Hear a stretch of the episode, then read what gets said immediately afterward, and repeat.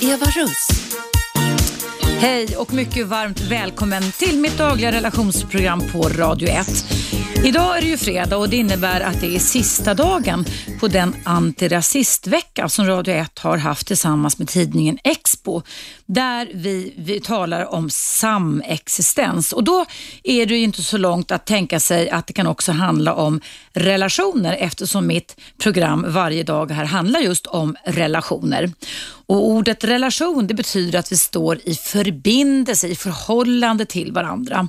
Och därför skulle jag tycka att det vore jättespännande om du som lyssnar just nu och som har erfarenhet av att leva tillsammans i en relation med en person från en annan kultur än den du kommer ifrån om du har lust att ringa in till mig och berätta hur ni har haft det, hur ni har löst eventuella problem och och eh, ja, allting sånt som kan berika andra människor. Jag ska börja med att tala om ett roligt mejl jag fått in angående just detta. För allting är ju faktiskt inte problem när man kommer från olika kulturer utan många gånger så kan man berika varandra oerhört mycket. Och Jag ska säga det att numret hit in till mig direkt i studion det är ju som vanligt här till Radio 1 0200 11 12 13 0200 11 12 13. Och om du vill så går det också bra att mejla. Då kommer min producent Ina Jönsson in med det till mig här under sändning och då är mejladressen evaradio1 gmail.com. Eh, och Jag kan också säga det då att självklart så får du vara anonym om du av någon anledning känner för det. Det finns inga som helst krav på att du behöver berätta ditt för eller efternamn eller någonting sånt. Utan eh, Jag vill hjälpa dig så gott som det är ändå. Men jag ska börja med att läsa upp det här mejlet som står så här. Hej Eva, vill bara komma med lite goda nyheter angående att leva med någon från ett annat land. Min man kommer från Indien och man kan tro att vi är totalt olika. Jag som är blond svenska från Dalarna... Punkt, punkt, punkt. Men det vi har lärt oss genom åren är att vi är väldigt lika. Vi har samma värderingar vad gäller familj, jobb och så vidare. Vi har kanske lite olika sätt att fira högtider och vilka kryddor vi föredrar i vår mat, men de grundläggande värderingarna är lika. Jag tycker tiden vi haft tillsammans berikat inte bara mig utan också min övriga familj och våra vänner. Han är en fantastisk man och har en underbar familj som vi hälsat på ett par gånger där de bor, i Indien alltså, väldigt enkelt jämfört med här. Vill bara säga att det är en människa man blir kär i med likheter och olikheter och det är kanske det bästa sättet att bli av med fördomar. För sådana hade även jag innan, men nu är jag så lycklig över att jag vågade ge mig hän åt denna underbara man. Tycker du gör ett fantastiskt program. Annika S. Tack Annika S. Det var väl ett gulligt mejl som jag fick in. Nu ringer det här redan. Ska vi se vem som vill prata med mig här. Hallå, vem är där? Vad tråkigt. Då får du som ringer till mig på 0200 11 12 13 ringa en gång till. Och är det så att du vill ställa andra frågor som dyker upp i ditt huvud eller din värld just nu så är det självklart så i och med att det är friåkning här idag att du är varmt välkommen att ringa in och ställa andra frågor som har med relationer, sex och samlevnad att göra. Hallå, vem är där? Hallå? Hallå, vem finns där? Hallå? Hallå, hej? Hej, det är Pelle här. Hej Pelle, välkommen till mitt program. Ja, tackar. Du, Mm. jag, jag tycker det är kul att prata om, eh, eh, om, om makt. Om. Makt. en gång till, vad säger du? Att ha makt. Att ha makt säger du, okej jag hörde inte vad du sa. Ja, ja. Hur förförisk makten är. ja. Hur, Vad, vad, eh, vad tänker du på då? Vilken typ av makt tänkte du på Pelle? Ja, alltså jag tänker ju, eh, ja på all makt alltså. Men, Mm. men eh, jag tänker ju, man tänker ju alltså, på politiker alltså. Mm, mm. V- På vilket sätt tycker du att det har med rela- på vilket sätt tycker du, eftersom det här är ett relationsprogram, vad tycker du att det har med relationer att göra just nu? Om du kan lägga någon vinkel på det. Alltså, det är ju en relation mellan alltså, eh, med, i olika roller alltså, Mm, mm, som, som man bejakar i en grupp. Alltså, precis som det är i, i bland våra riksdagsmöter, eh, ledamöter och, och, och alltså i vår riksdag och eh, eh, ja, i partierna i sig självt också, va? mm, organisationerna. mm, Där, där, där eh, riksdagsledamöter ja, där de vet hur de ska rösta helt enkelt. Va? Och, och, och där partiledaren står oemotsagda därför att folk, eh, folk säger inte emot inom partiet för att eh, då, då, då är det är inte bra för karriären. Va? Så, det, det, så, så, är det ju va. Du menar att vi anpassar oss till personer som ska leda oss genom ja, att vi biter ihop och håller inne med våra egna motargument för vi är rädda för att det kan drabba oss på sikt Eh, på, på ett dåligt sätt. Är det så du menar med makt? Eller? Exakt, alltså mm. karriärtrappan alltså, den, den, den, eh, den går ju inte vidare alltså. Mm. Så länge mm. det är samma partiledare. Alltså på det här sättet så har vi alltså en riksdag som är full av alltså eh, medsägare alltså. Mm. Mm. vilket ju egentligen är otroligt allvarligt alltså. Det där är ju ett... Det är ingen utveckling alltså när man har eh, den här typen av riksdag och regering. Alltså det här, jag menar inte att, att politiker är, är liksom onda eller så här, utan det här är ett systemfel Alltså som gör Fast det här är psykologi Pelle, det här är psykologi. Det här är mänskliga relationers psykologi och grupppsykologi och socialpsykologi som gör att vi anpassas till andra som påstår sig ha för mer kunskaper och krafter än vad vi har. Och då kan vi ibland hamna i ett slags förminskande av oss själva då biter ihop och låter de andra leda oss. Ja, alltså vi, vi, vi det, det, det, men ja, alltså så är det.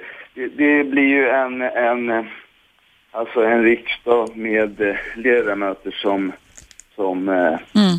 som inte säger emot. Va? Alltså, mm. eller alltså, de kan, eller tycker annorlunda eller, eller alltså man, man, vet bara hur man ska rösta va? och man mm. vågar inte gå emot det egna partiet. Mm. Men det där, det där problemet finns också i många parrelationer, för egentligen parrelationer, men det är ett intressant problem du tar upp Helen då vill jag säga.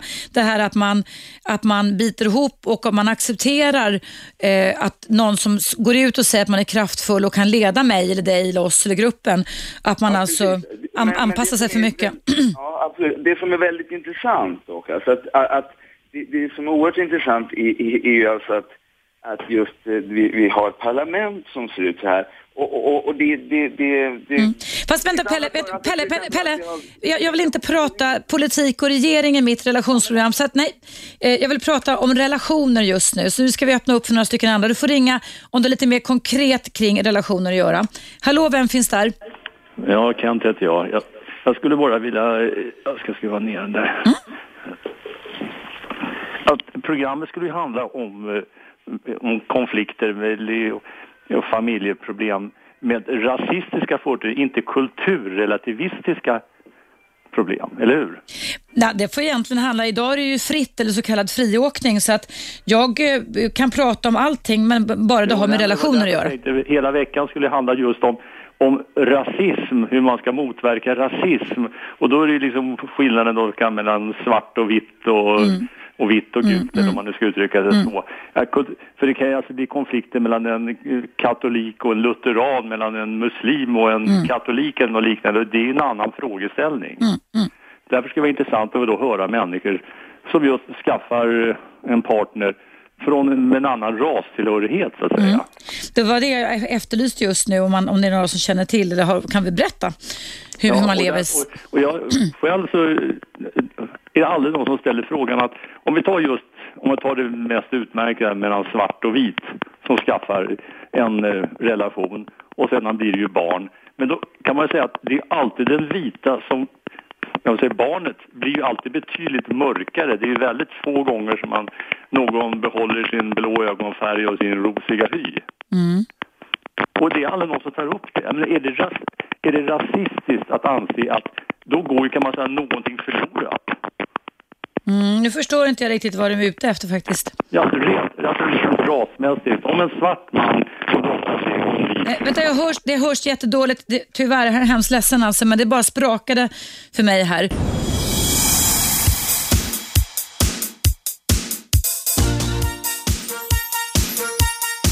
Radio 1. Eva Russ.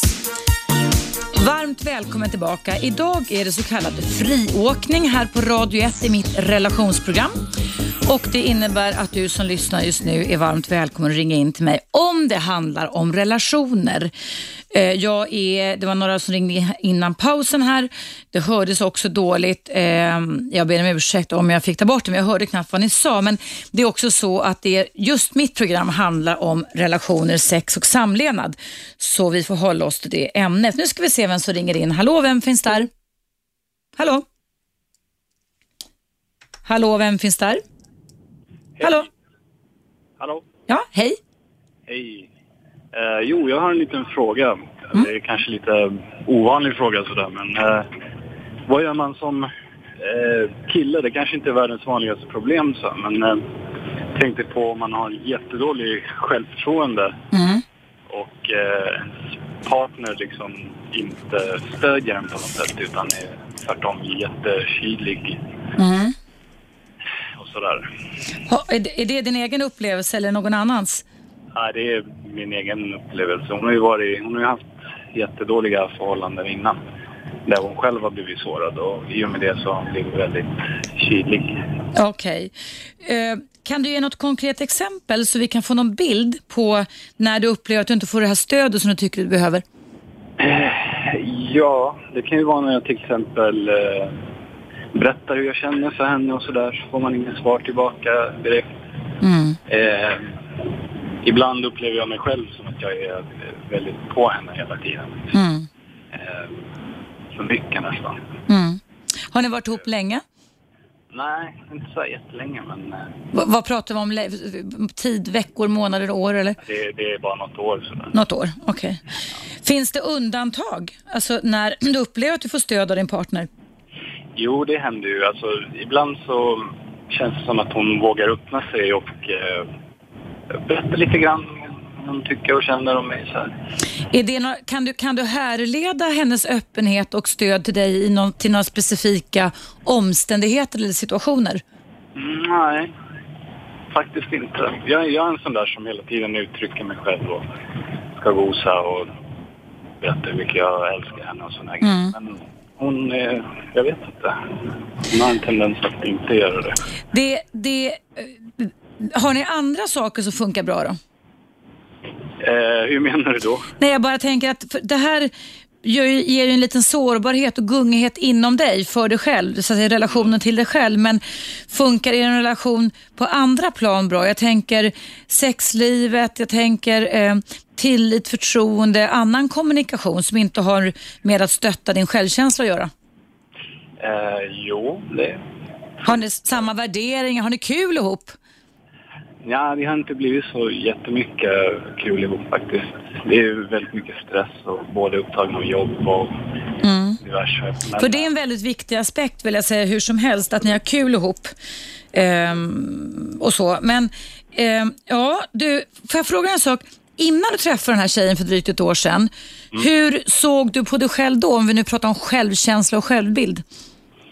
Ehm, jag skulle väl kunna säga att det var rätt okej.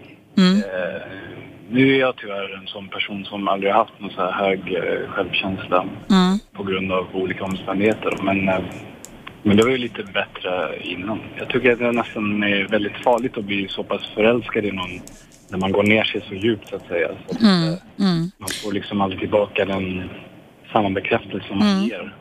Du, får jag, får jag fråga, vad heter du i förnamn? Eh, Adam. Adam. Du Adam, då ska jag berätta för dig och även lyssnarna som lyssnar här att det här problemet som du beskriver just nu, att man eh, blir liksom lite beroende och styrd av föreställningen och antagandet om att andra personer ska ge mig en god självkänsla, det är en myt. Okej. Så funkar nämligen inte självkänsla. Det, det, det är då man bygger ner sig, eller det, det, dekonstruerar sig själv. Därför att en självkänsla börjar med att man måste börja ta ett eget ansvar för hur man vill relatera till sig själv. Och det, det tar ju längre tid att göra och som du säger, ofta så byggs ju självkänsla och självförtroende upp när man är yngre, så att säga, beroende på hur man har blivit coachad så att säga, av de som stod närmast.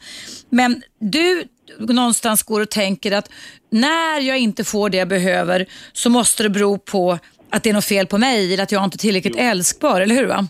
Precis, precis. Det är så man tänker, eller man kanske inte tänker så tydligt som jag säger, men det far genom huvudet, eller hur Adam? Absolut, absolut. Och då gäller det att försöka se till att du inte blir så beroende av din flickväns känslomässiga status. För hon verkar vara lite upp och ner låter det som, har problem med sig själv. Och det kan man ju ha och man kan leva med en person som har problem med sig själv också.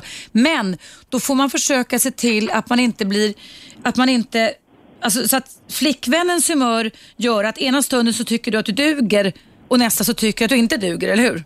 Precis.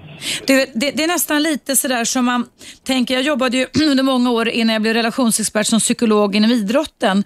Och det var också samma sak, att de idrottsmän och kvinnor som hade dålig självkänsla, de blev beroende av till exempel av vädret, om det är en idrott du idkar utomhus. Va? Så de sa att om det är fint väder, då kommer jag bli en vinnare. Om det är dåligt väder, blir jag en förlorare. Okay.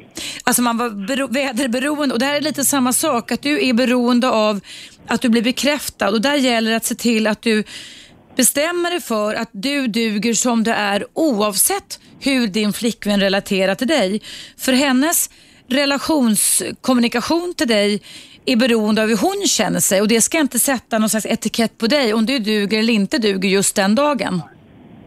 Nej, och sen, sen är ju det att eh, när hon då inte visar känslor då får det en massa andra tankar och hjärnspöken. Och ja, och... Att, eh, hon kanske inte är intresserad av mig, hon kanske är intresserad av någon annan. Och... Ja, ja. och det, där har du börjat på någonting som är jättevanligt Adam kan jag säga. Att man alltså börjar gå in på sig själv. Man börjar leta fel hos sig själv kring det här temat. Duger jag inte? Vad är det som är fel? Att man hittar någon slags defekt i sig själv bara för att man inte får sina behov mötta. Och sen är det att man är, alltså, ja, jag tycker det är lite småpinsamt. Jag vet inte om det är många fler killar eller män som upplever samma sak som jag. För det, normalt sett så hör man ju, alltså ingenting har menat men man hör ju ofta tjejer prata om sånt där.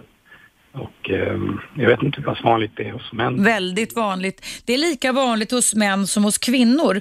Och en dålig självkänsla är oftast, Adam, en inlärd föreställning om sig själv. Att man inte duger i vissa situationer. Men det är en föreställning, förstår du? Mm, ja. Och Det är någonting som man varje dag, eller du kan börja med nu, från och med idag, ska ge akt på.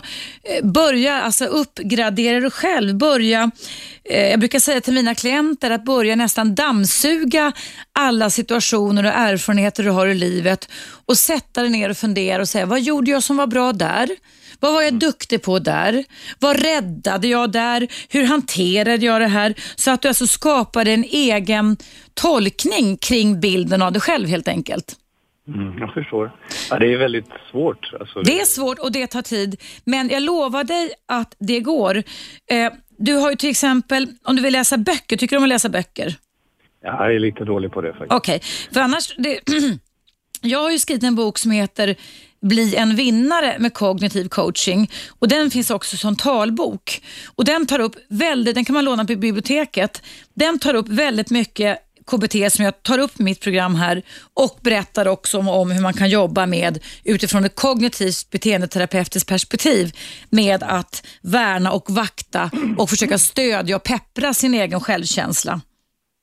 Det, problemet är ju det när man blir så här beroende av att, att, om, att om andra bekräftar mig, då tycker jag att jag är okej. Okay. Men om jag inte får de bekräftelserna så tycker jag att jag är kass. Det är det här gungandet va? där du ändrar och låter dig bli beroende av, som, som nästan väderberoende inom idrotten, hur andra relaterar till dig. Så blir du väldigt osäker på dig själv. Och Det är där det gäller för dig att varje dag sätta du till exempel, Adam, och skriva en jag duger-lista.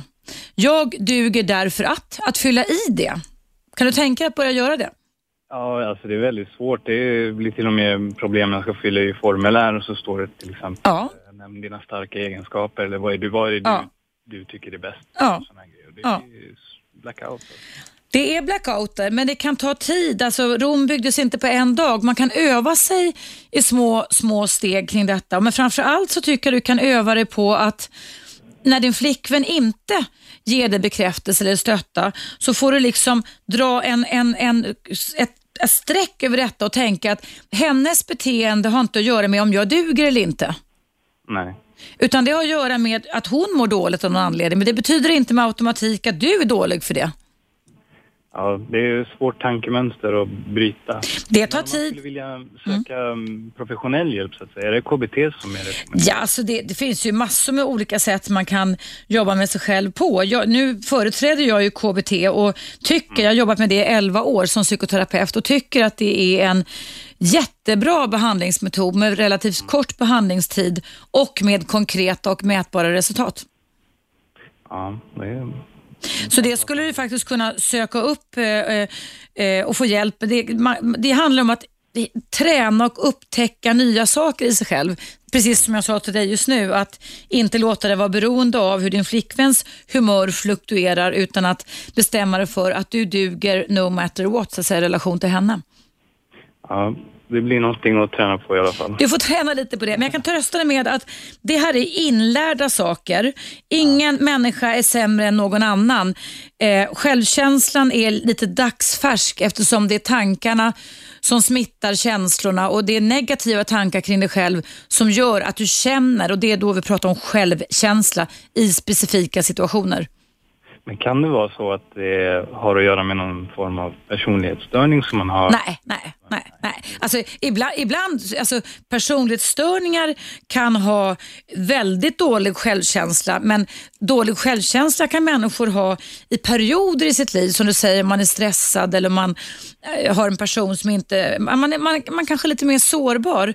Men, men som sagt, det går att träna bort en dålig självkänsla, jag lovar dig. Ja, Så det att är du, alltså allt ifrån att ta emot komplimanger som inte... Nej, och då får du öva dig i små, små, små situationer och fråga så här, varför ska jag sitta här och inte ta emot komplimanger? Ja, Ja, vad, vad får du ut av det? Elände skulle jag vilja säga. ja jo, det, det har blivit så.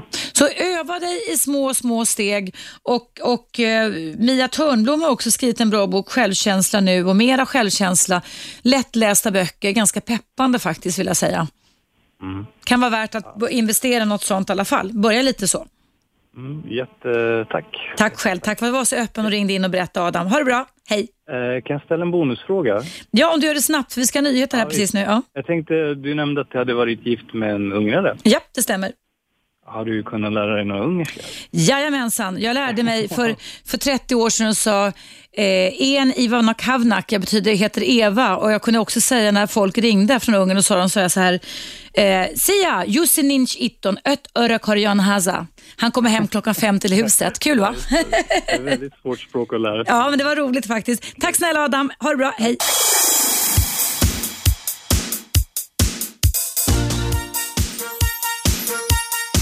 Radio 1. Eva Russ. Mycket välkommen tillbaka till mitt dagliga re- relationsprogram. Idag är det friåkning, så du som vill prata med mig om allting som har med relationer att göra, sex och samlevnad, är alltså varmt välkommen att ringa till mig på 0200 11 12 13. Eh, alldeles innan pausen här så hörde du mig prata en ungersk ramsa och det var därför att Adam som jag coachade hade hört att jag varit gift med en ungrare. Det är också därför som mitt efternamn kommer ifrån Russ. Rosne hette en gång i tiden. Jag gifte mig 1979 och min exman och jag är eh, idag väldigt goda vänner och vi har ett barnbarn ihop och ska ha ett litet barnbarn till snart. Det är jätteroligt. Det är som att umgås med sin bror. Jag tyckte själv att det var fantastiskt som en svensk tjej från Dalarna faktiskt, där jag kommer ifrån, att få möjligheten på 70-talet att eh, lära känna den ungerska kulturen. Eh, jag träffar en del ungrare här i Stockholm, flera av mina vänner är ungrare faktiskt och eh, jag tycker att just den samexistensen fortfarande finns som en röd tråd i mitt liv. Ehm, jag tillbringade två veckor i Ungern 1979 när vi var där på bröllopsresa. Och eh, sen har jag lagat ungersk mat. Eh, seki, gujas, någonting som är jättegott. Rakot krumpli. Jag gör nokkeli som är alltså hemgjord spaghetti kan man säga. Och, och så. Och, eh, ja, så att jag tyckte att det var fantastiskt. Men det var inte så lätt kan jag säga eh, för min familj, mina föräldrar inte minst, när jag då 1976 inledde min relation med min, min ungerske man. Eh, det blev ett ganska stort motstånd faktiskt hemma i min familj, framförallt från min pappa som hade synpunkter på att jag hade träffat en utlänning. Eh, vi var faktiskt eh, Eh, jag var faktiskt tvungen att bryta med mina föräldrar i ett års tid på grund av att min far då, alltså 1978, inte accepterade att jag hade träffat en politisk flykting, en invandrare, en i hans ögon då svartskalle som kom ifrån Ungern. Nu hade min man ett vackert brunt hår, men som sagt var, det var lite livat i min släkt. Eh, men sen när vi väl hade gift oss och fått vår dotter så löstes detta upp och sen var liksom allt groll glömt. Det var ju då på 70-talet när det kanske eh, i alla fall invandrare från Ungern. Det kom ju många 1956, samma år som jag är född, i samband med den ungerska, eller ryska invasionen av Ungern. Eh, men som sagt var, det var lite problematiskt där. Jag hade ganska kärva relationer med mina föräldrar då på grund av att de hade svårt, min pappa i alla fall, att acceptera att jag hade träffat en invandrare. Ja, så kan det vara. Nu ska vi se vem som ringer till mig här. Hallå, vem finns där? Ja, det är Nader här. Hej Nader, välkommen till mig. Vi har pratats vid förut, eller hur? Ja, det har vi. Jag känner igen ditt namn. Vad vill du prata med mig om idag? Just det du sa, att leva ihop med en invandrare. Ja, Jag undrade, hur löste ni kulturella problem?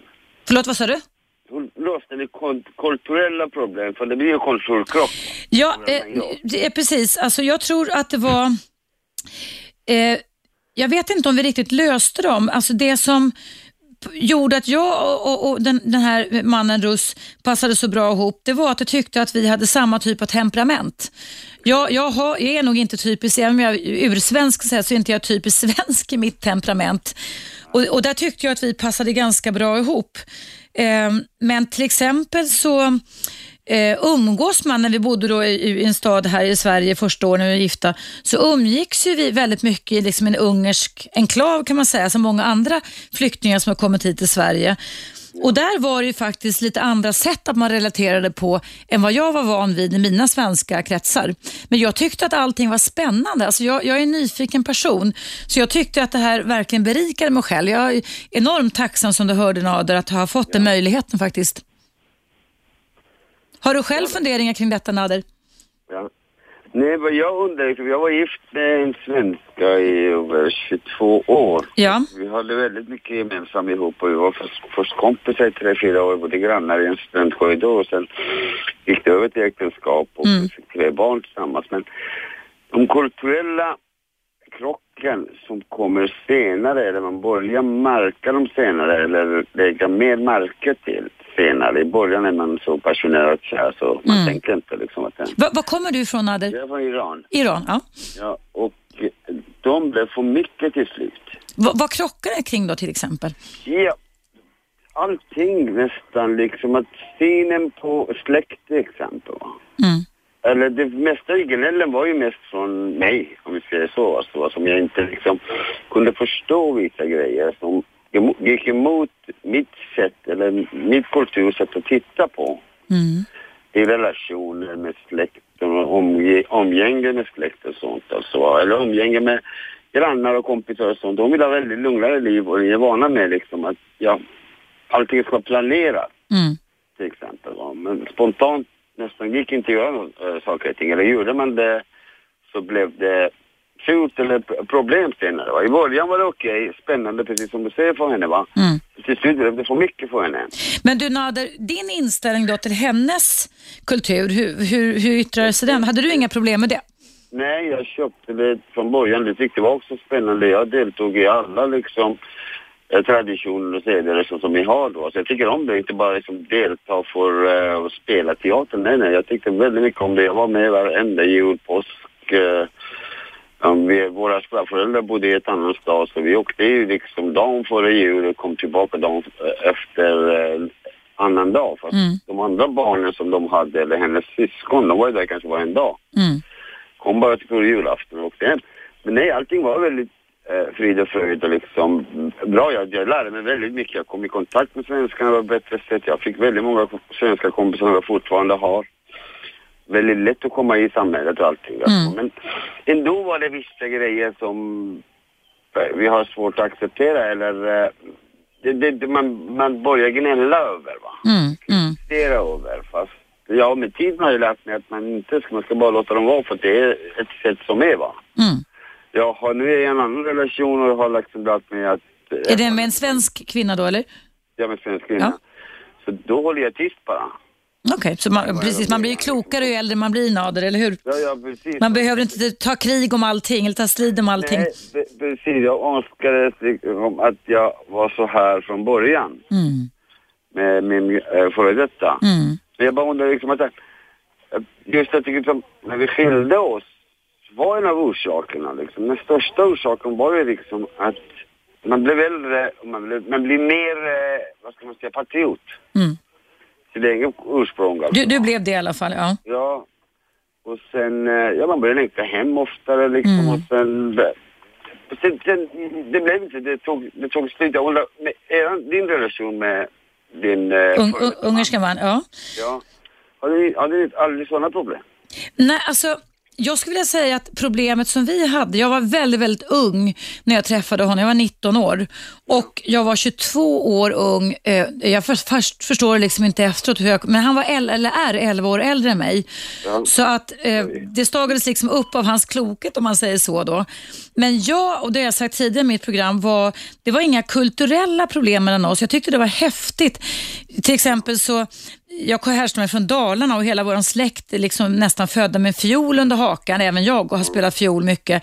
Och när han kom upp till Dalarna med sin mamma och sin styvfar så tog de fram fiolen och spelade ungersk chardas. Alltså, det var, alltså, vi möttes väldigt bra. Utan orsaken till varför det inte höll som en livslång relation för mig, med min första man som är från Ungern, det var väl, tror jag, att jag var alldeles för ung. Det har jag sagt många gånger. Jag, var inte, jag, jag visste inte hur man skulle leva en relation. Det tog mig många år. Men som sagt, idag är vi jättegoda vänner och, och han ringde mig här innan sändning. Vi ska prata om en grej efter. Alltså vi är goda vänner så att det känns jätteskönt. Det värmer mitt hjärta kan jag säga.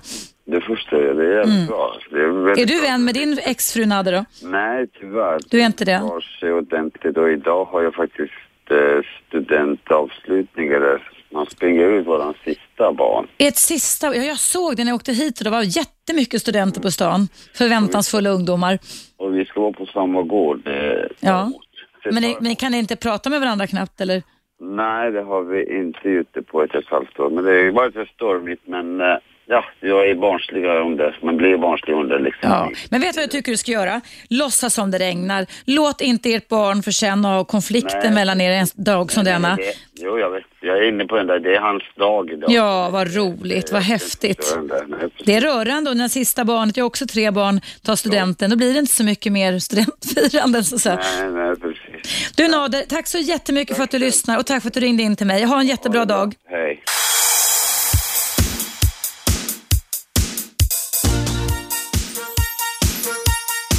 Radio 1. Eva Russ.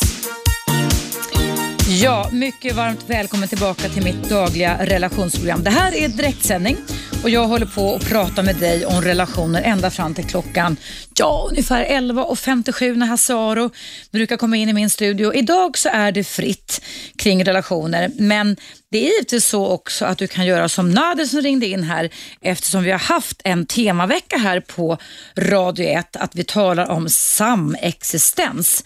Men som sagt, du kan ringa in om du har andra frågor också. Nu ska vi se vem som finns på tråden. Hallå? Hallå, Vem är där? Det är jag. Ja, jag tyckte, jag tyckte jag kände igen din väna stämma Lennart. Hej! Lena, ja, det var ju snällt sagt. Jag tycker att jag har skrovlig stämma. Ja, du, jag har skro- skrovlig stämma idag. Jag pratar för mycket tror jag. Vissa dagar så kan det ju vara sådär om det har någonting med lufttemperaturen ute att göra, om det är rå luft och så jag vet inte, luftvägarna kan ju spöka lite ibland, men jag har klarat mig från förkylningar, peppar peppar, i ett och ett halvt år i alla fall. Det är härligt det, för det är inte skö- kul. Mm. Vad skönt det är att slippa det. Jo, det här ämnet idag som ni tar upp, du. Jag ju följt pressen i många år och man har läst om de här tra- tragedierna med som har skett, att det finns män då som är, har, vad ska man säga, de faller för det här med exotism, exotiska alltså.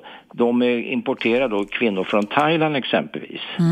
Och det har figurerat i pressen när kvinnor har blivit därutav blivit utsatta för mycket våld och mycket förtryck. Va? Alltså det, det var någon man som hade blivit dömd för misshandel. Han hade tagit hit en ung thailändsk kvinna och sen efter det så ånyo så, så eh, tog han hit en kvinna och eh, tre, fyra gånger va? och myndigheterna inte ingrep. Va? E, eh, och varje gång så skedde det på det viset att det blev våld, förtryck och, eh, och de blev mer eller mindre, vad ska man kalla det för, husslavar. Va? Och det där tycker jag är fruktansvärt alltså att man kan göra på detta viset att utnyttja kvinnor då. Och oftast är de här kvinnorna som kommer från en helt främmande kultur faktiskt, det är ju Thailand kan man säga, kommer till Sverige. Det måste bli också en kulturchock för dem. För de vet ju inte var de kan få hjälp någonstans Mm, kanske. De mm. kanske inte ens kan engelska eller eh, göra sig förstådda va. Mm. Och jag tycker det där är, det är hemskt, det borde man ta upp och belysa. Och, de- och de här männen som utnyttjar de här kvinnorna i den svaga positionen som det innebär att de får då, de borde ju, eh, tycker jag, verkligen alltså straff, eh, få ett ordentligt kännbart straff va. Mm. För där rör det sig om misshandel och allting va. Det är vä- väldigt perverterade typer. Jag, jag, jag, jag eh, hör vad du säger och Mm. jag kan förstå problematiken men jag tror att det är viktigt att vi inte generaliserar Lennart. Det finns också väldigt många kärleksbaserade äktenskap med kvinnor ifrån Thailand som finns här i Sverige också. Och husslavar finns det ju faktiskt i, Ja. i, alltså, i, i icke, icke, icke mångkulturella relationer med när det finns förtryckande partners som trycker ner den andra också. Jo, men men jag håller med dig. Jag, jag har till exempel hört en person, det var många, många år sedan, som ville ha någon slags konsultation till mig då som psykoterapeut, en man som ringde upp och eh, eh skulle, då pratade man på telefon först lite och frågade vad vi vill ha hjälp med, så gör jag en bedömning, en snabb bedömning om jag, jag tror jag kan hjälpa den här personen eller inte va, innan de ens får komma till mig då. Och då berättade den här personen då det att nej, han, han var olycklig i kärlekslivet och så vidare. Och Så kläcker han ur sig mitt i meningen så här, nej, jag, jag, jag gifte mig för andra gången med en rysk, nej, jag ska skicka tillbaka henne, hon var inget bra. Nej, du ser alltså. Och när jag hörde det så kände jag så här, nej hjälp, jag kan jobba med många olika typer av problem, men, men en man som har den kvinnosynen som oftast är ganska permanent, han, alltså han berättade då att han hade gift sig med en rysk kvinna för andra gången, men hon var inget bra, så han skickade tillbaka henne. Alltså den sti- Precis som den handelsvara. ja, nej, han fick inte komma till mig, det, det jag bestämmer vilka som får komma till Ja, mig. vad sjukt det låter Ja, alltså.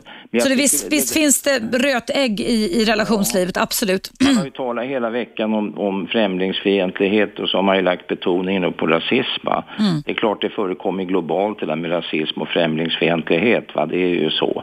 Men grejen är också den att det finns ju något bakvänt där som kallas för exotism. Att man eh, drar sig till exotiska för att det liksom blir som en fascination i det. Va? Men det är också en form av, tycker jag, eh, rasism alltså. Att man bara ser till det, va? utan man måste ju se till hela människan. Man ska inte bara falla för att man blir fascinerad sådär. Det, det är ju lite sjukt. Va? Men jag tycker de här karlarna då i Sverige som eh, mer eller mindre lockar hit då, eh, kvinnor från Thailand och olyckligtvis många blå. Men det finns ju många bra förhållanden säker, med all säkerhet. Va? Så man ska ju inte generalisera för grovt. Men jag tycker ändå det har figurerat i pressen och de kvinnorna som har råkat ut för pro- problematiken har ju blivit mycket olyckliga. Oh ja, oh ja, är oh ja, oh ja. alltså. De är ju unga kvinnor och de kanske får sitt hela liv förstört. Va? Absolut, känsloliv absolut, alltså. absolut. Det är det jag har tänkt på. Va? Och det är ju fruktansvärt för det ska ju inte vara en plåga och pina. Nej, nej, nej, nej, nej. Men det här, i samhället idag tycker jag det verkar som att vad jag, det är ju du också, vi är så pass gamla så vi har ju sett så kallade utvecklingen va. Jag tycker det blir mer och mer på något vis omänskligt va. Vad blir omänskligt Lennart? Jo, det här med att man gallrar bort människor på arbetsmarknaden. Man kategoriserar människor. Det finns människor som inte platsar in i bilden. Det är ju massa människor eh, som är blivit utförsäkrade. Du vet, allt inte hänger med i tempot. Va? Och det här med det låter så fint idag det här med kommunikation. Man har Twitter och allt vad det heter och Facebook och sånt där. Men det är bara, det är så en yta tycker jag, jag får intrycket utav. Va? Och, och det utnyttjas, situationen utnyttjas där. Man förtalar folk och man jävlas hela tiden. Det är några flickor som sjunger där och hört det där inslaget mot mobbing. Ja, det är väl eh, jättebra. Det är vidrigt Ja, alltså. det är vidrigt, men det är jättebra reklam tycker jag. Ja visst är det det. Det är ju bra att man uppmärksammar den där problematiken. Va? Men som sagt var, det är inte bara en dans på rosor för att man liksom famnar någon från en annan världsdel eller från en annan nation. Va? Det, det, det, det gäller också svenska förhållanden. Det påminner mig, Lennart, när jag var, jag var eh, ute och reste här under, över jul och nyår och eh, satt och såg på en långflygning en, en, en film som jag tror kom 1967 eller 68. Så kommer du ihåg vad den heter? Gissa vem som kommer på middag? Ja, just Kommer du ihåg den filmen? Poitier, ja. Med Catherine Hepburn, Spencer Tracy och Sid, eh, Sidney, Sidney Poitier, eller hur? Ja. Där dottern är, är dökär, har träffat en man på en konferens och så kommer hon hem och han är en färgad man som sagt Ja, var. en svart man där, En svart ja. man, precis. Och hur de har problem, föräldrarna liksom att acceptera. Det var ju en jättesuccé. Alltså det, det verkligen ändrade den här, eh, för då hade ju, tror jag, i den vevan så tror jag också att att, eh, eh, vad hette han, den här Sammy Davis Jr. Ja, gifte sig med Maj Wilkins. vad hette hon? Maj, eh, Vilken sätt hon? Maj Wilkins. Och det var också något sånt här banbrytande, vilket jag tycker är fantastiskt, eh, att få alltså sam- äktenskap mellan eh, människor som kommer och har olika Ja, etnisk bakgrund. Den där filmen var ju aktuell nästan fortfarande. Jag satt och tittade, för jag kommer ihåg att jag var li- ung flicka när jag såg den gisslan som kom på middag. Jag, med. jag var rätt ung. Kommer du ihåg, man liksom såg ansiktsuttrycken och Ja, känslorna. Det var vilka, vilka fint skådespeleri. Ja, den var fantastisk den filmen. Jag gillar honom, den här, heter han Spencer Tracy? Just det, ja. Han var ju fan, och Catherine Hepburn Ja. var ju också nog, hon var ju med i den här filmen med Humphrey Bogart, Afrikas drottning. Ja, visst, Det var ju fantastiskt. fantastiskt Ja. skådespeleri och det var mycket intressant till. Och det var, det var ju väldigt kontroversiellt på den tiden. Mm. Jag menar äktenskap över rasgränser om man säger så. Ja, var, det var därför den där filmen var Ja. extremt kontroversiell. Ja, det det blev ett, alltså den, en jättesuccé världen över. Men jag tror att det kan ha varit 67, 68, 60, någonting just sånt där va? som den filmen kom. Men den var, den var så fantastisk att se när jag satt på flyget. Sidney Poitier gillar jag för det var en väldigt bra skådespelare han med och han gjorde där, de gjorde ju rollerna fantastiskt Mm, alltså. Så att nog kan man väl eh, gifta sig över nationsgränser och så vidare, rasgränser. Men jag menar, just det jag har tänkt på genom åren. Mm. Ja, det gör man också. om Omogna män va, som lockar hit då exempelvis unga thailändska flickor. Då, Ja. tycker jag är väldigt tragiskt. Och det, men det, det, där, där är ju problematiken som jag ser det Lennart, alltså att det problematiken ligger i männen som, som eh, inte kan ha relatera på ett vettigt sätt, på ett normalt sätt. Och det, grejen är den att de kan ju åka till till exempel Thailand och måla upp världens guld och gröna skogar om vilka rikedomar de har. För många som då är obemedlade eller fattiga i Thailand. Eh, Men det är en villkorad kärlek. Va? Så precis att om de inte gör som de säger, det är förskräckligt. Det är en, en som du säger husslavar, eller för, för många, inte för alla, men, men tyvärr. Men som sagt, vi har den typen av skitrelationer i Sverige också. Jag skriver bland böcker om dem. Så att det, De här flickorna Mm. visar sig oftast komma att de har kommit från landsbygden och flyttat in Mm. till Bangkok då och träffar någon kille. Va? Och det är klart, för dem så, de kanske är väldigt eh, obemedlade, fattiga och så vidare. Mm. Och då är det en, ser de som en stor chans att eh, få ett eh, kanske tryggt liv. Ja. Och det blir en väldig otrygghet ställe när de kommer hit då. Mm. Och de kanske inte vet vad, vad de ska vända sig för hjälp som jag sa tidigare till kvinnor. Nu finns det ju då idag kvinnohus, Mm. kvinnojour. Men de kanske inte ens har någon väninna eller någon som Nej, kan språk. Nej det, det, man är väl, de är väldigt sårbara. Väldigt Så sårbara. det, det tycker Mm. jag är väldigt tragiskt. Det är synd för man kan ju föreställa sig för ett, ett, vilket hemskt scenario det var om en, annan, om en, en själv kom till en främmande kontinent och, och man hamnade i, svåra situationer Mm. och man inte kan eh, kommunicera med någon. Va? Det är ju fruktansvärt. Ja, det är försk- förs- förskräckligt. förskräckligt. Men jag, jag kan ju föreställa mig också som du säger att det finns ju många lyckliga förhållanden. Ja. Som, det, det, finns det absolut. Va? Det, Mm. det, ju, det, det, kan man ju säga, det, är fantastiskt så. Mm. Vi får uppmana de som lyssnar också att ringa in och berätta om sina Ja, lyckliga, lyckliga förhållanden idag eftersom det är fritt här på Ja, Radio 1. jag menar det. Du Lennart, nu måste jag sluta för det är dags för nyheter. Ha det bra. Hej, Hej, hej.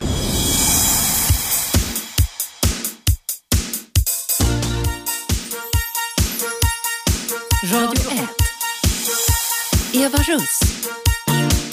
Välkommen tillbaka. Idag är det fritt kring relationer, sex och samlevnad. Men eftersom vi har haft en temavecka här på Radio 1, eh, en i samarbete med tidningen Expo, en antirasistvecka, rättare sagt utifrån en skrift som Expo har lanserat som heter Positiv antirasism, så är det självklart ännu roligare om du som lyssnar just nu har lust att ringa in och tala om just samexistens i, ur ett relationsperspektiv eh, mellan eh, par i olika typer av eh, kulturellt skilda relationer. Men först ska vi prata med Hector. Hallå Hector! Ja, hej. Välkommen tillbaka till mitt program. Det var ett tag sedan sist. Ja, det var ett tag. Är det bra med dig? Ja, absolut. Tack och lov. Härligt. Det är bara lugnt. Ja. Berätta eh, vad du har för tankar idag. Ja, jag tänkte angående det här med rasismen. Mm. Eh, för det första så är jag en person som eh, analyserar alltid vilken terminologi som mänskligheten använder sig utav. Mm. Och eh, just gällande rasism så, så tycker jag det är jätte... Det är nästan roligt att folk säger att det handlar om rasism. Det är omöjligt att det ska handla om rasism. För mänskligheten består bara av en enda ras. Mm. Och då kan, kan omöjligen finnas någonting som heter rasism. Eftersom... har- Jag håller, jag håller med dig. Jag håller med dig.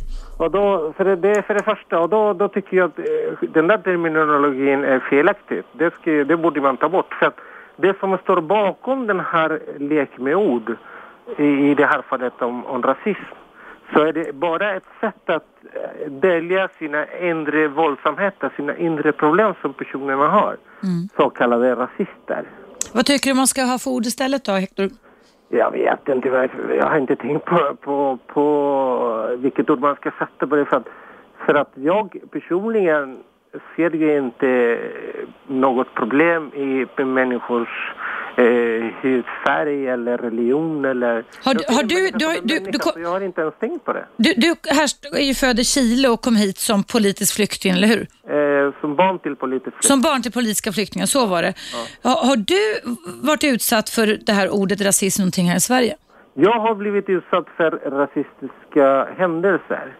Men jag har aldrig fokuserat på det eller, eller eh, tänkt på att Sverige ligger bakom de här få handlingar som dessa personer har utfört. Nej. Utan jag tänker på att just den personen ska stå för sina handlingar och det talar inte om det svenska folket i övrigt.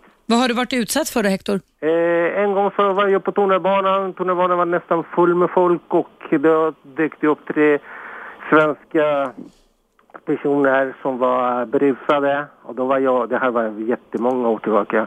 Då, då var jag jätteung, alltså det var bara 22 år.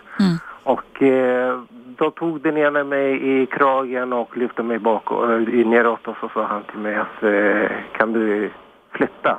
Sa han till mig. Eh, när han tog på mig då bara sa jag till honom sådär att jag ger dig tre sekunder för att släppa mig annars kommer du inte kunna berätta det här för dina barnbarn. Då släppte han. Eh, och de andra två, de var inte lika aggressiva. Men de höll på med och då sa han ah, jävla svartskallar, de ska skickas till Ryssland. Det här var på mitten på 80-talet. Mm. Och eh, de ska skickas till Ryssland och blablabla. Han sparkade på sättet bredvid mig och sen försökte han slå mig och så, så, så. så. Men ingen reagerade. Alltså alla, alla liksom såg vad som pågick alltså. Men det var ingen som reagerade. Och eh, det var väldigt så, aggressiv person, den ena alltså. De andra två var mindre aggressiva. De bara höll med honom liksom, så här, skrattade och sådär. Men alltså den som var aggressiv, det var den som jag var tvungen att ta mer itu med alltså. Men jag anföll aldrig honom eller slog aldrig tillbaka eller jag gjorde inget, inget mer än att sätta tydliga gränser alltså. Alltså går du längre då kommer du att ångra till honom bara. Eh, och så sen kommer jag ihåg att det klev en afrikan upp i tunnelbanan och, och han såg det som hände och han reagerade. Och han, men då, då höll de på att gå ifrån tunnelbanan alltså, gå ner. Och då sprang han och började skrika. Och vadå, han är ensam, okej vi är två nu, kom, kom ner. Då, då gick de bara. De vågade, jag sa till honom, lugna ner dig. Det, det här är, nej, de är bara berusade liksom. De, de vet inte vad de pratar om. Alltså, Att de säger så talar om deras begränsningar. Alltså. Att de, de, de ser inte längre än sin näsa. Nej. Eh, och då, då tänkte jag inte mer på det. Alltså, det var eh, den ena gången som jag råkade ut för det. Men alltså, det är saker som jag inte fokuserar på. Alltså. Mm. Det är saker som jag tänker bara, det är... Man kan välja vilka saker man vill göra viktiga eller mindre viktiga, eller hur? Ja men precis, det ligger ju i det, vi har den makten va? Mm. Vi har den makten att välja det man vill, det man vill eh, tänka på, det man inte vill Men du, du Hector, får jag fråga en sak? En privat fråga. Är det okej? Ja, Ja, du behöver inte svara. Är, är, är du gift med en kvinna som kommer från Chile också eller är du gift med någon som kommer från annat land? nej, vi båda är från Chile. Ni är båda från Chile? Ja. Ja. Så, så um, tycker du att det, nu har, för ni har varit gifta länge har du berättat för mig också. 30, ja, Ja, just 30 det, precis. Så att det, det är svårt, alltså, Lennart ringde in och pratade om olika kulturer, men man kan ju vara, eh, komma från samma kultur och få det jättebra. Man kan, man kan också komma från samma kultur och få det jättedåligt så att säga. Ja men precis, alltså det, jag, jag tycker liksom att jag, jag tror inte det är kulturen mer som har att göra. Det är mer beteende som har med att göra att man har problem. Man har en viss tankemönster. Vi alla är människor. Vi är födda på olika länder. Vi är födda under olika värderingar. Vi är födda under olika, kulturer så att säga. Men vi är människor i grund och botten. Mm, Och verkligen. det enda, det enda som krävs för att det ska funka, det är kärlek. Mm. Ingenting Absolut, annat. absolut. Alltså, sen spelar det ingen roll. Kolla i Chile, jag kommer från Chile. Och i Chile, jag brukar alltid säga så, och det är sant alltså. I Chile är det en invandrarland sedan jättelänge tillbaka. 500 år tillbaka. Och där kan det komma en kines och en, en, en finländare ska vi säga. Kvinnan är från Finland, mannen är från Kina. Och de föder ett barn i Chile. Barnet är chilenskt. Mm. Alltså det är ingen som ifrågasätter barnets ursprung, föräldrarnas ursprung. Nej. Utan barnet är chilenare, punkt slut. Så enkelt är det. Mm. Alltså från en, kine, en kines och en finländare föds en chilenare. Mm. Mm. Alltså det låter nästan roligt, men det är ju så. Mm. Vi är ett multikulturellt eh, land och ingen ifrågasätter. Vi kallar inte ens oss för multikulturell. Vi kallar oss bara för chilenare. Punkt slut. Alltså man kan vara svart, man kan vara grön, man kan vara gul, man kan vara liten, man kan vara stor, tjock. Det spelar ingen roll. Du är chilenare, punkt slut. Mm. Alltså det är ingen snack alltså. Nej. Och det är det, det, är det jag säger. Det enda som krävs för att, för att det ska funka, det är ju kärlek. Det, fin, det, det krävs ingenting annat. Sen spelar det ingen roll var man kommer ifrån. Mm. Och då är det ju kärlek, eh, Hector, avslutningsvis, som är altruistisk. Alltså det som innebär att den inte är egoistisk. Utan att vi älskar den andra mer än oss själva, nästan. Eh, mer än oss själva. Jag har alltid varit en person som, som kämpat för jämställdhet. Mm. Och då säger jag alltid, man ska inte älska sig mer än vad man älskar någon annan. Och man ska inte älska någon annan mer än vad man älskar sig själv. Mm. Så det handlar om självrespekt. Mm. Om jag älskar någon annan mer än vad jag älskar mig själv, då eh, ligger jag i underläge. Mm. Mm. Eller tvärtom, då kan jag ligga i överläge. Mm. Och det är inte syftet. Nej. Syftet är att vi ska vara lika. Det stämmer. Hector, nu måste vi ta en liten paus här. Tack för dina utlägg idag, intressanta aspekter du har. Ja. Eh, fortsätt att ringa in och ha en trevlig helg så länge. Tack så mycket Tack, hej då, hej hej.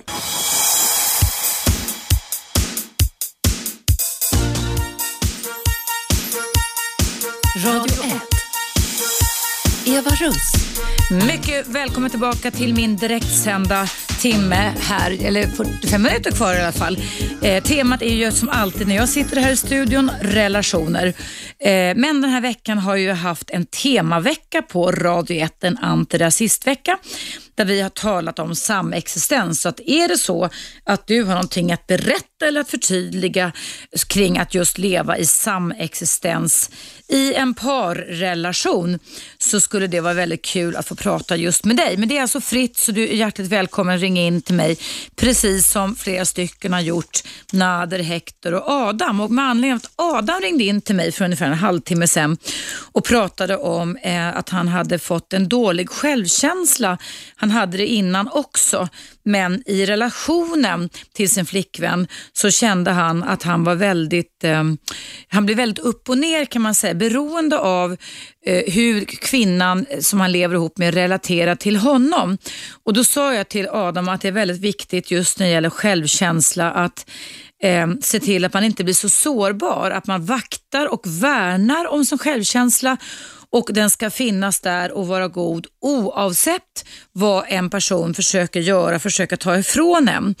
Eh, I min bok, en av mina böcker, jag har skrivit flera böcker som kom ut 2007 som heter Bli en vinnare med kognitiv coaching. Den finns även som ljudbok och som pocket. Så tog jag ett exempel just kring det här att värna om sin självkänsla när jag satt och tittade på TV. Det var OS 2004. Det var en sån här studio på SVT ifrån Aten, om du minns så var det sommar-OS där. Och eh, då eh, så satt Therese Alshammar i studion och skulle bli intervjuad efter enligt hennes, alltså e-, enligt reporten på SVTs definition, ett misslyckande. För enligt reporten på SVT så hade Therese Alshammar, som ju simmar drottning, det känner du ju till, bara kommit på fjärde plats, alltså utanför prispallen på 50 meter fjärilsim. Och Det som utspelade sig framför mina ögon, det var ett drama om vem som ska äga sanningen och vem som ska ha rätt att försöka pracka på en annan person en dålig självkänsla mot den personens vilja. Vad, som ut, vad jag såg på TV, det kanske du också kunde ha sett, det var alltså att den här reporten hela tiden försökte få Therese Alshammar att erkänna att hon var grymt besviken för att hon enligt reporten bara kom fyra på 50 meter fjärilsim. Men Therese Alshammar som även hade gått ut med att hon inför OS 2004 i simning hade sagt att hon har jobbat mycket med just mental träning som är en teknik mot dålig självkänsla och kanske på ett annat sätt också vägrade acceptera att, det här var, att man skulle sätta en etikett på att det här var ett misslyckande. Och när den här reporten på SVT till slut för fjärde eller femte gången säger så här till Therese Alshammar, men nog är du väl extremt besviken? Nog måste du väl tycka att det här är ett stort personligt misslyckande eller fiasko. Kära Therese Alshammar att komma bara på fjärde plats. Då reser sig Therese Alshammar in i studion, plockar bort mikrofonen, avbryter intervjun och säger lite lätt förnärmad Tack, nu är den här intervjun avklarad för min del. Nu ska jag gå ut och fira min fjärde placering med min familj på stan. Och därmed avvek hon ifrån den här studion. Och jag tycker att det var helt fantastiskt att hon vägrade ta emot den här påprackningen som den här reporten gjorde. Hon bevarade sin självkänsla och lät inte honom försöka förstöra den. Med anledning av det här med självkänsla så har det kommit in ett mejl från någon som heter, kallar sig för Jussi Björling. Och han skriver så här, eller hon. Jag har varit i precis samma situation som Adam, som jag pratade med tidigare i programmet idag. Alltså. Det tog slut och jag blev ett vrak och droger bland annat kom in i bilden. Efter ett par år har jag nu rest mig och står med huvudet högre än någonsin tidigare. Framförallt har jag lärt mig att inte göra samma misstag igen. Det vill säga att definiera mig själv genom någon annans ögon. Tack för ett bra program. Det var ju väldigt, väldigt roligt att höra.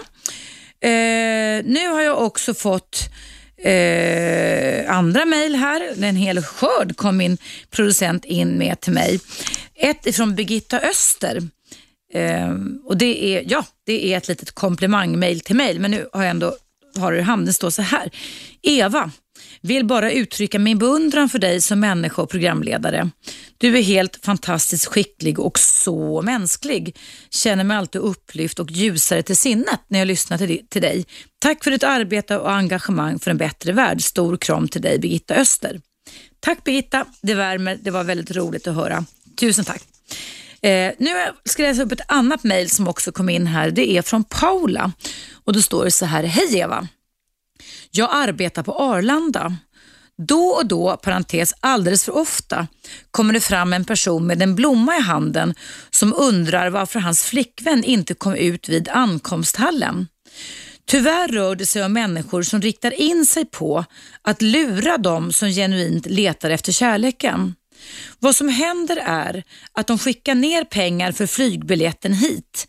Resten kan ni lista ut. Snälla ta upp detta. Ingen vågar prata öppet om det då de skäms, vilket blir att denna, de, denna lurendrejeri fortsätter. Hälsningar flygplatsanställd. Ja, det var ett intressant problem. Alltså, så att du som jobbar på Arlanda skriver att det kommer fram en person med en blomma i handen som undrar varför hans flickvän inte kom ut ur ankomsthallen. Mm. Är det någon av er som lyssnar just nu som vet någonting om det här? Ring in vet jag. Numret hit är 0200 11 12 13. 0200 11 12 13. Och det där ska jag utforska lite mer. Nu ringer det här och vi ska se vem jag kan ha på tråden. Hallå? Hallå? Hallå? Hallå? Hallå? Ja, hej, hallå, vem, vem är där? Eduardo, är du, är du Eva? Jajamensan, Eduardo, välkommen till mitt program. Ja, hej. Hej.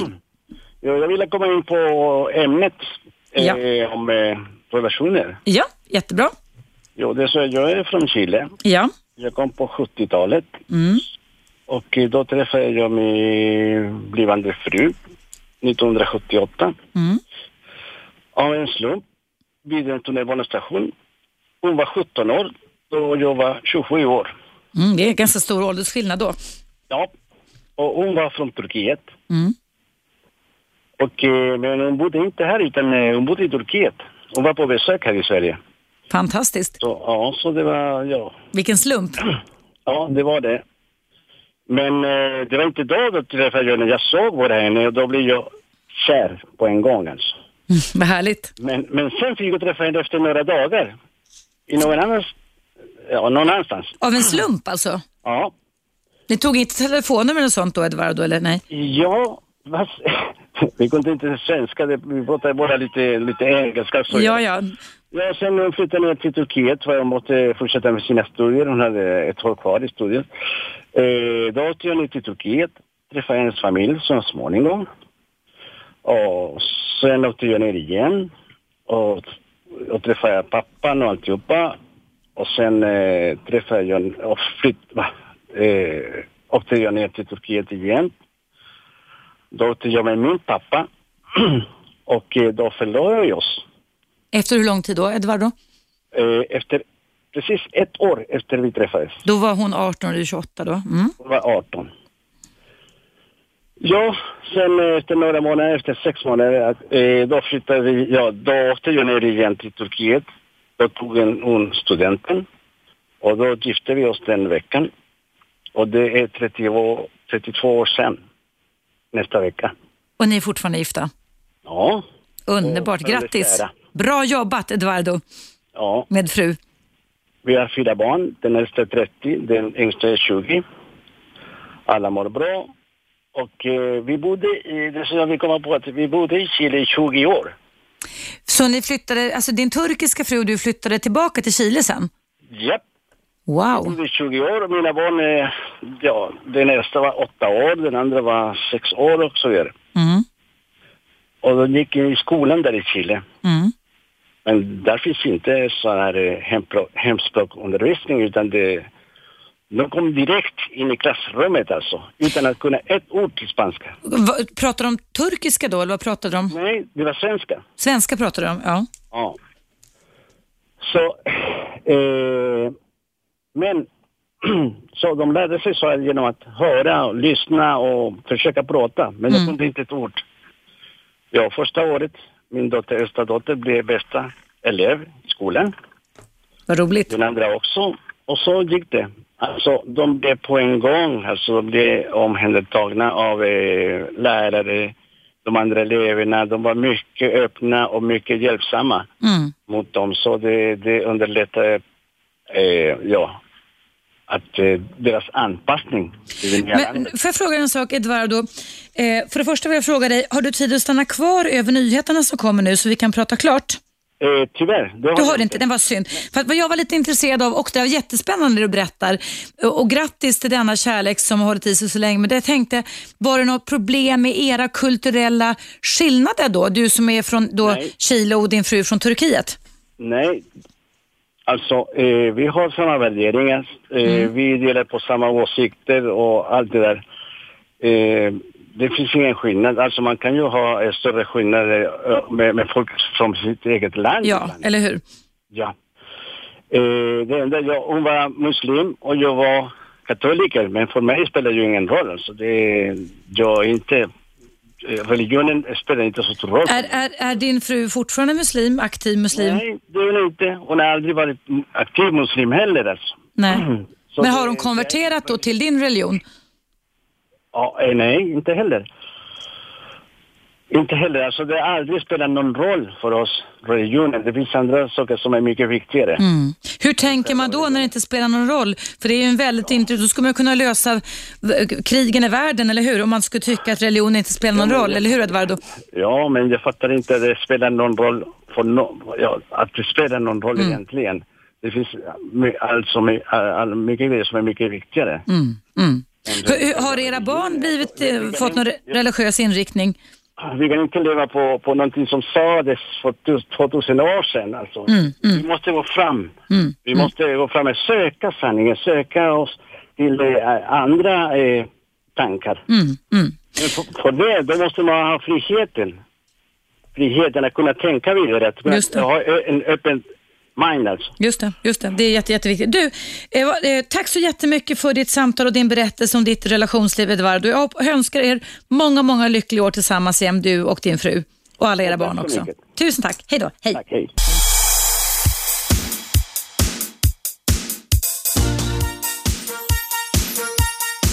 Radio 1. Eva Russ.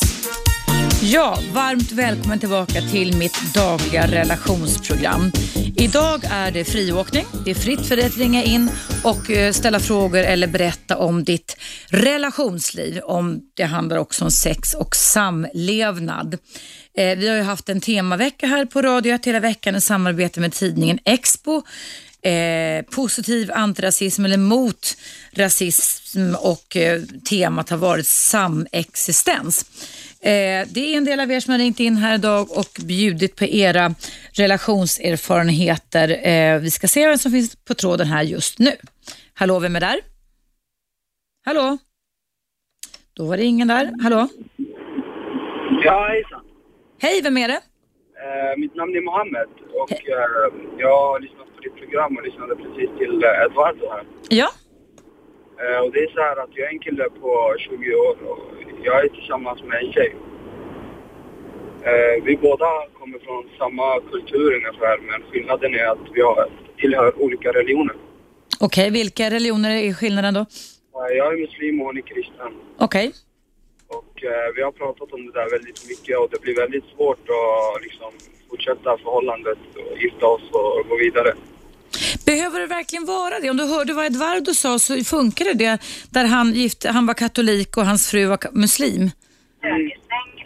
Jo, men grejen är att vi båda är väldigt eh, eh, religiösa så att säga. Jag går i moskén flera gånger i veckan och hon går i kyrkan flera gånger i veckan. Okej. Mm. Mm. Och det, det är ingen som kan tänka sig att konvertera eller ni kan inte tänka er att acceptera att ni går till, till du, du till moskén och hon till kyrkan. Alltså att man kan leva så ändå, ha sin egen relation till sin speciella reli- religion men ändå leva tillsammans. Jo, men grejen är den att eh, hon är väldigt, eh, hon är ortodox kristen och Mm. enligt henne så är giftermålet ett sakrament. Så det går, för henne går det inte att gifta sig med en icke-kristen så att säga.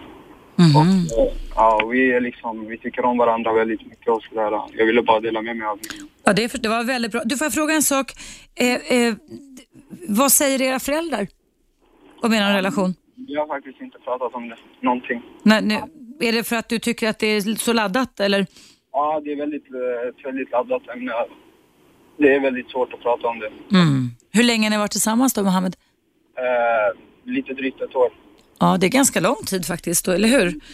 Men tänker, tänker du då, Mohammed, att ni ska vara tvungna att göra slut bara för att ni är så fast i era respektive religionsinriktningar? Eh, jag måste tyvärr säga det att eh, förr eller senare så kommer vi göra slut och det har vi diskuterat båda två och det accepterar vi. Väldigt tråkigt att höra tycker jag. Väldigt tråkigt att höra. Finns det verkligen ingen lösning att fundera på? Vi har funderat igenom alla lösningar men det finns faktiskt inga. Nej. Ja, vi har väldigt mycket gemensamt. Liksom. Båda religionerna har väldigt mycket gemensamt. Mm. Mm. Det är liksom, det funkar inte. Nej, det är tråkigt och det, men det kan man se också att, att kärlek tar inte hänsyn till sånt utan tycker man om varandra olika aspekter så gör man det. Men som sagt, jag skulle önska att det funkade för er Mohammed, en samexistens mellan dig som är muslim och och din tjej som är kristen. Absolut.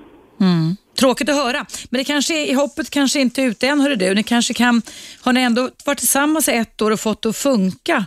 Så jag tänker, kan du inte fundera lite på någon slags lösning ändå? Ja, vi har funderat igenom alla möjliga lösningar och, och det går verkligen inte. Båda är väldigt religiöst övertygade. Mm. Så det blir väldigt svårt. Mm. Ja.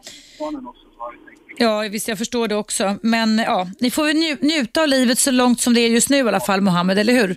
Absolut. Tack för ditt exempel. Lycka till, ha det jättebra så länge i alla fall. Hej då, hej. Ja, det låter ju jätteknepigt det där. Eh, det gäller ju det som, precis som Edvardo här som ringde in som kommer från Chile och är katolik som blir kär i en kvinna från Turkiet som är muslim eh, och har levt lyckligt gift i över 30 års tid med fyra barn eh, har löst det ändå och han hävdade då att han bryr sig inte om gamla skrifter Eduardo sen förr men om jag förstod det rätt så hade hans turkiska eh, fru som, hade muslimsk, som var muslim eh, mm, droppat den religionen. Jag vet inte riktigt hur det var med det. Ja, du lyssnar på mig Eva Russ i mitt dagliga relationsprogram. Numret hit är som vanligt 0200 11 12 13. Ska se vem som är på väg in här och ringa. Hallå? Vem är där? Nej, där blev jag dissad. Där var en riktig... Hallå, vem är där? Hej! Hej, vem är du? Jimmy heter jag. Hej Jimmy, välkommen till mitt program. Åh, tack ska du ha. Eh, jag vill nog bara komma med en liten rekommendation till herren innan som var, var förälskad i en... eh, En... eh, Kristen, ortodox kristen som han sa, Mohammed.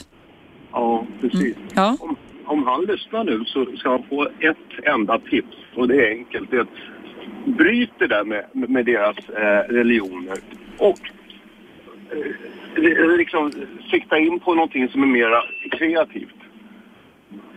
Eh, de, de kan inte hålla på på det viset att, eh, eh, om de ska vara tillsammans. Mm. Hur tänker du då att de skulle kunna bryta? Vad tänker du då Jimmy? Ja, det är väl bara helt enkelt att eh, inte tänka på det där. Mm. Eh, Gå ifrån religionen.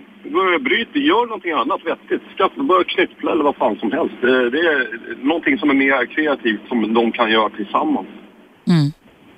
Den Eduardo som ringde in, hörde du det? Han hade ju, eller hans fru hade tydligen, eh, jag förstod inte riktigt, men konverterat hon från muslim till katolik. Det är häftiga val man gör, men det visar också att det är möjligt, eller hur? Mm. Varför inte konvertera till ingenting? Mm. Det kanske vore det absolut det bästa. Mm. Det, det är tråkigt när sådana saker ska sätta hinder när man har träffat en soulmate som det heter, som man verkligen tycker om och vårdar och är tillsammans med. Men jag, jag tänker ju då att har man varit tillsammans med sådana eh, olika religionsinriktningar i mer än ett år så visar ju det på ett sätt och vis att det funkar. Så långt i alla fall, eller hur? Ja, men det var väl vissa förbistringar emellanåt där. Jag hörde inte riktigt det, men, men de hade inte vågat berätta det för sina föräldrar. Mohammed var 20 och jag hörde inte hur gammal hans flickvän var. Ja, Mm. ja, Nej, det var bara tips. Det, Ja, fint. Skit i det där med religionen och gör någonting annat istället. Okej, tack. Mycket bättre. Tack snälla. Hej, hej, hej.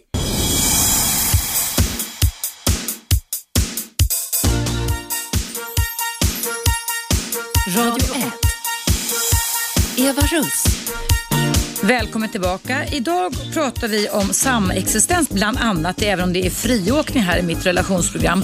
Och eh, då pratade jag alldeles nyss både med Eduardo som berättade att han har levt i ett mer än 30 år långt äktenskap där han är katolik, eh, härstammar från Chile och hans fru fortfarande, han ringde in här i paus men kunde inte vara kvar, är muslim. Hon har inte konverterat eh, från, eh, hon är alltså, men hon är inte aktiv. Hon går inte till moskén längre, men hon har inte klivit av den religionsinriktningen.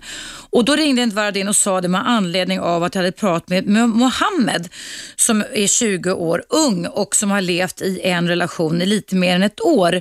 Han, Mohammed är muslim och hans flickvän är kristen och Mohammed var övertygad om att det här var omöjligt och svårt och de kan inte lösa det här och därför ringde Eduardo in som har eh, kanske 30 år på nacken mer då än Mohammed och sa så här att de kan visst leva ihop. Så lyssna på det nu Mohammed, ni kan visst leva ihop. Eduardo säger så här att ni kan fokusera på det som förenar era religioner, inte det som skiljer religionerna åt. Jag repeterar, fokusera på det som förenar i era religionsinriktningar, inte på det som skiljer er åt. Och Eduardo har alltså lyckats att leva med sin fru som är muslim fortfarande och han är själv katolik i mer än 30 års tid. Så det tycker jag var eh, fint eh, Eduardo att du engagerade dig och hade tid att ringa en gång till. Tack så väldigt mycket för det. Nu ska vi se vem som finns på tråden. Hallå, vem är där? Hallå, vem är där? Hallå? Ja, hallå där. Hej, välkommen till Eva Russ program. Du är i direktsändning. Vem är du? Ja, hej, Ulrika heter jag. Vad heter du? Ulrika. Ulrika, jag hörde inte riktigt. Ulrika, välkommen. Vad vill du säga eller ställa frågor kring idag? Jo, jag ville bara säga att eh, jag lever i en relation med en man från Östafrika och jag själv är halvsvensk, halvengelsk. Mm. Och eh, jag vill bara säga att alla våra blandade kulturer och bakgrunder har bara förgyllat våra relation och vårt liv enormt mycket. Jag skulle aldrig någonsin vilja vara utan dem. Och sen samtidigt så skulle jag vilja säga att jag tycker att det är en ny generation som kommer. Som, eh, där allt som har med blandade kulturer att göra bara blir mer och mer, jag vet inte vad man ska säga, eftertraktat, men önskvärt. Att, det blir en, att vi kan värdera om och alltså ändra våra tankar så att det blir tillgångar, att vi ser vilket det faktiskt är också. Ja, oh ja, definitivt tillgångar, men även att det. Jag, menar, jag märker ibland när jag möter barn att de nästan tävlar vem som har flest, eller mest blandning i sig. Jag har en tredjedel turk och en fjärdedel eh, eh, svensk, eller ja, nej, men att det blir någonting positivt. Mm. Mm. Och jag märker också när vi reser, vilket vi gör väldigt ofta, att vi ofta bemöts av positiva, nyfikna blickar. Mm. Hur länge har ni varit gifta du och din man? Ja, nej, vi är inte gifta ännu, men det blir att jag säger man, vi är förlovade. Men, eh, men det är fem år. Ja. Ha- Har ni barn ihop också eller? Eh, nej, men det hoppas jag att vi snart får. Vad roligt. Ja, och det, det är verkligen, det känns som att tyvärr så är det inte så många och vi kanske lever i en naiv bubbla, men jag upplever att de människor som är nu mellan ja, 20 och 30 och även yngre generation, att det är väldigt många som delar den synen att ju mer blandat desto roligare. Det Det, det tycker jag var väldigt fina ord. Ju mer blandat desto roligare. Ja, nej, och sen självfallet så uppskattar jag också när det bara är svenskt eller afrikanskt eller vad det nu är. Mm. Men, men också ju mer blandat desto roligare. Får jag fråga en sak? Tr- Träffade du din man från Östafrika i Sverige eller i Afrika? Ja, nej, i Sverige. Han kom till Sverige som barn eh, och levt här ungefär 20 år. Så Ja. eh, Men sen också någonting som han bara predikar över att oavsett relation, att ja, respekt, kommunikation och kärlek och man kan lösa allt. Men främst respekt. Jag menar, har man verkligen respekt för sig själv eller för personen man lever med så kommer det aldrig funka oavsett ifall man har exakt samma bakgrund och värderingar och, och tankar. Det, Det du säger just nu är ju grundbultarna i alla parrelationer oavsett vilka religionsinriktningar man har, vilka länder och kulturer man kommer ifrån. Respekt, kommunikation och kärlek. Ut, utan det går ju inte att bygga eh, en samhörighet och samspela med varandra. Nej, absolut. Och just därför så spelar det ingen roll eh, vad man har för religion eller för bakgrund. Har man de grundpelarna så funkar det. Och då kompromissar man. Visst, självfallet. Jag säger inte att det är problemfritt och smärtfritt alla gånger. Absolut inte. Vi kan ha otroliga krockar ibland. Men just med de grundpelarna så löser det sig. Men får jag fråga en sak, eh, har ni olika religions, eller hade ni olika religionsinriktning också? Eh, han är uppväxt med en eh, katolsk pappa, han gick i kyrkan på söndagar och en muslimsk mamma till moskén på fredagar. Vad härligt, då har vi det tredje exemplet här på att det verkligen går att samexistera och leva tillsammans fast man har olika religionsinriktningar. Ja, oh ja, och det, det är det jag vill ge våra barn också. Att, jag menar, självfallet, jag, jag vill ge dem en grundtro att, av en högre makt och att, ja, jag personligen, jag har ingen specifik gud, men jag tror allra mest på änglar och ber alltid till mina änglar. Men förutom det så, Mm. Men du, vad, har- vad, har din fästman, vad har din fästman som har växt upp med både muslimskt och kat- katolska föräldrar, vad har han för inriktning då? ja, det är nog också lite blandat där. Vi, vi ser oss själva som världsmedborgare och ja, världsreligion, eller ja, vad ska man säga? Världs... Eh, religiösa Ja, det var ett fint, ja precis.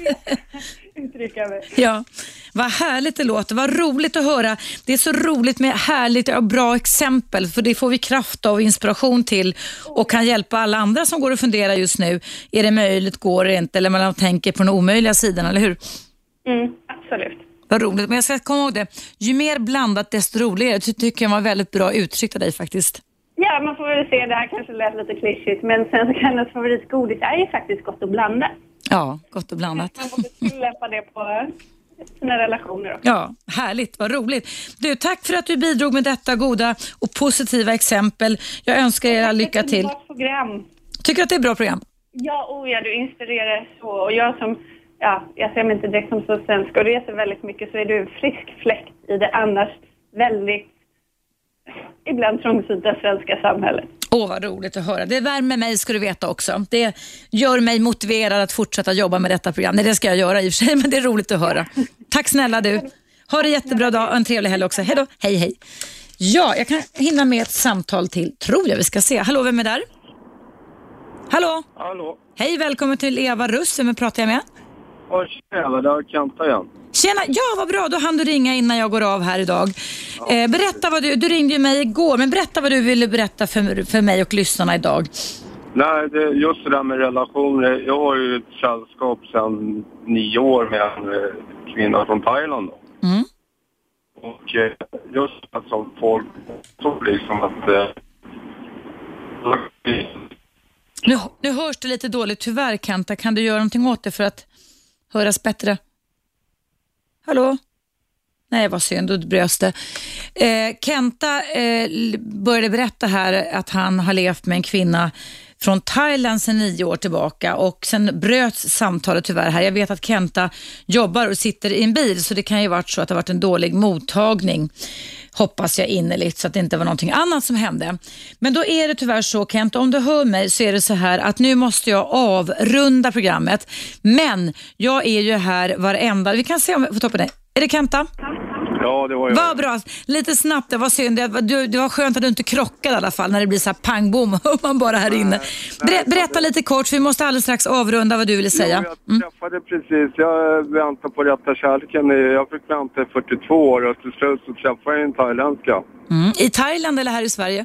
Nej, vi träffades faktiskt här i Sverige. Vi var på, träffades genom en gemensam bekant oss. Så det var eh, ungefär berömda klicket här. Mm. Vad härligt. Eh, vi har levt ihop eh, i nio år nu. Men jag måste säga att tyvärr är inte alla thailändska kvinnor som, eh, som har den turen att träffa en, en man som tar väl hand om dem. Liksom. Mm. Känner, du, känner du till andra som har farit illa? Ja, eh, fler, fler, flertalet liksom. Eh, flertalet, det är jättemånga kvinnor, de blir kastade på gatan.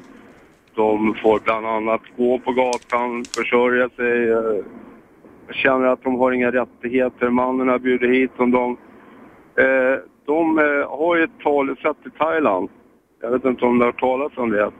Att träffa en falang är som att ta en lott. Antingen går man på en nit eller också går man på en vinst. Ja, det har jag aldrig hört. Nej.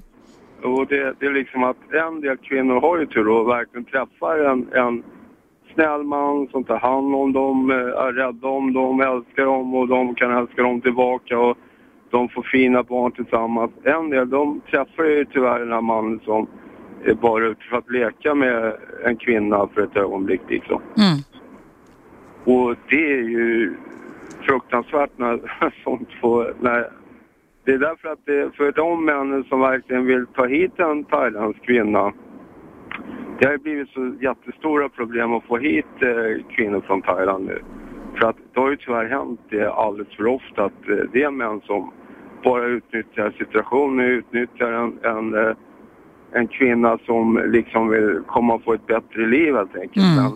Vad de kommer det är att när de kommer till Sverige får de nästan ett sämre liv än vad de hade i Thailand. Ja, ja, det är alldeles förskräckligt.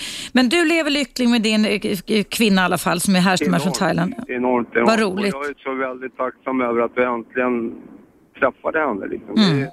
Jag menar, hon har, hennes syster har kommit hit liksom, men hon tar nästan alltid med och försvar mot sin egen syster ibland. Liksom. Ja. Så att vi, vi håller ihop liksom. Vad roligt. Vad roligt att höra Kenta. Vi, vi, vi är inte de som aldrig bråkar. Nej, det, kan man, det ska man göra i relationer också. Jag menar, Mm. alltså, man måste ha ol- olika uppfattningar om, om saker och ting. Jag menar, tycker hon så, så tycker hon så. Och Mm. jag menar, det är inget fel, för att skulle vi tycka lika, då hade vi nog inte kunnat leva ihop. Nej. Du Kenta, tack så... Ja. Tack detsamma. Tack för att du berättade. Ja, tack snälla, tack snälla Kenta. Tack för att du ringde in här på sluttampen. För det är nämligen så att allting roligt har ett slut. Jag vill tacka så jättemycket för mig för idag, för denna vecka. Tack för att ni som lyssnar hör av er och mejlar mig. Och även fast det är helg nu så kan du alltså mejla hit på evaradio1 snabelaggmail.com eftersom jag är här på måndag morgon igen och det är en helt ny arbetsvecka framför mig då. Tills dess så önskar jag dig allting gott och en trevlig helg och att vi hörs igen. 101,9 Radio 1 Sveriges nya pratradio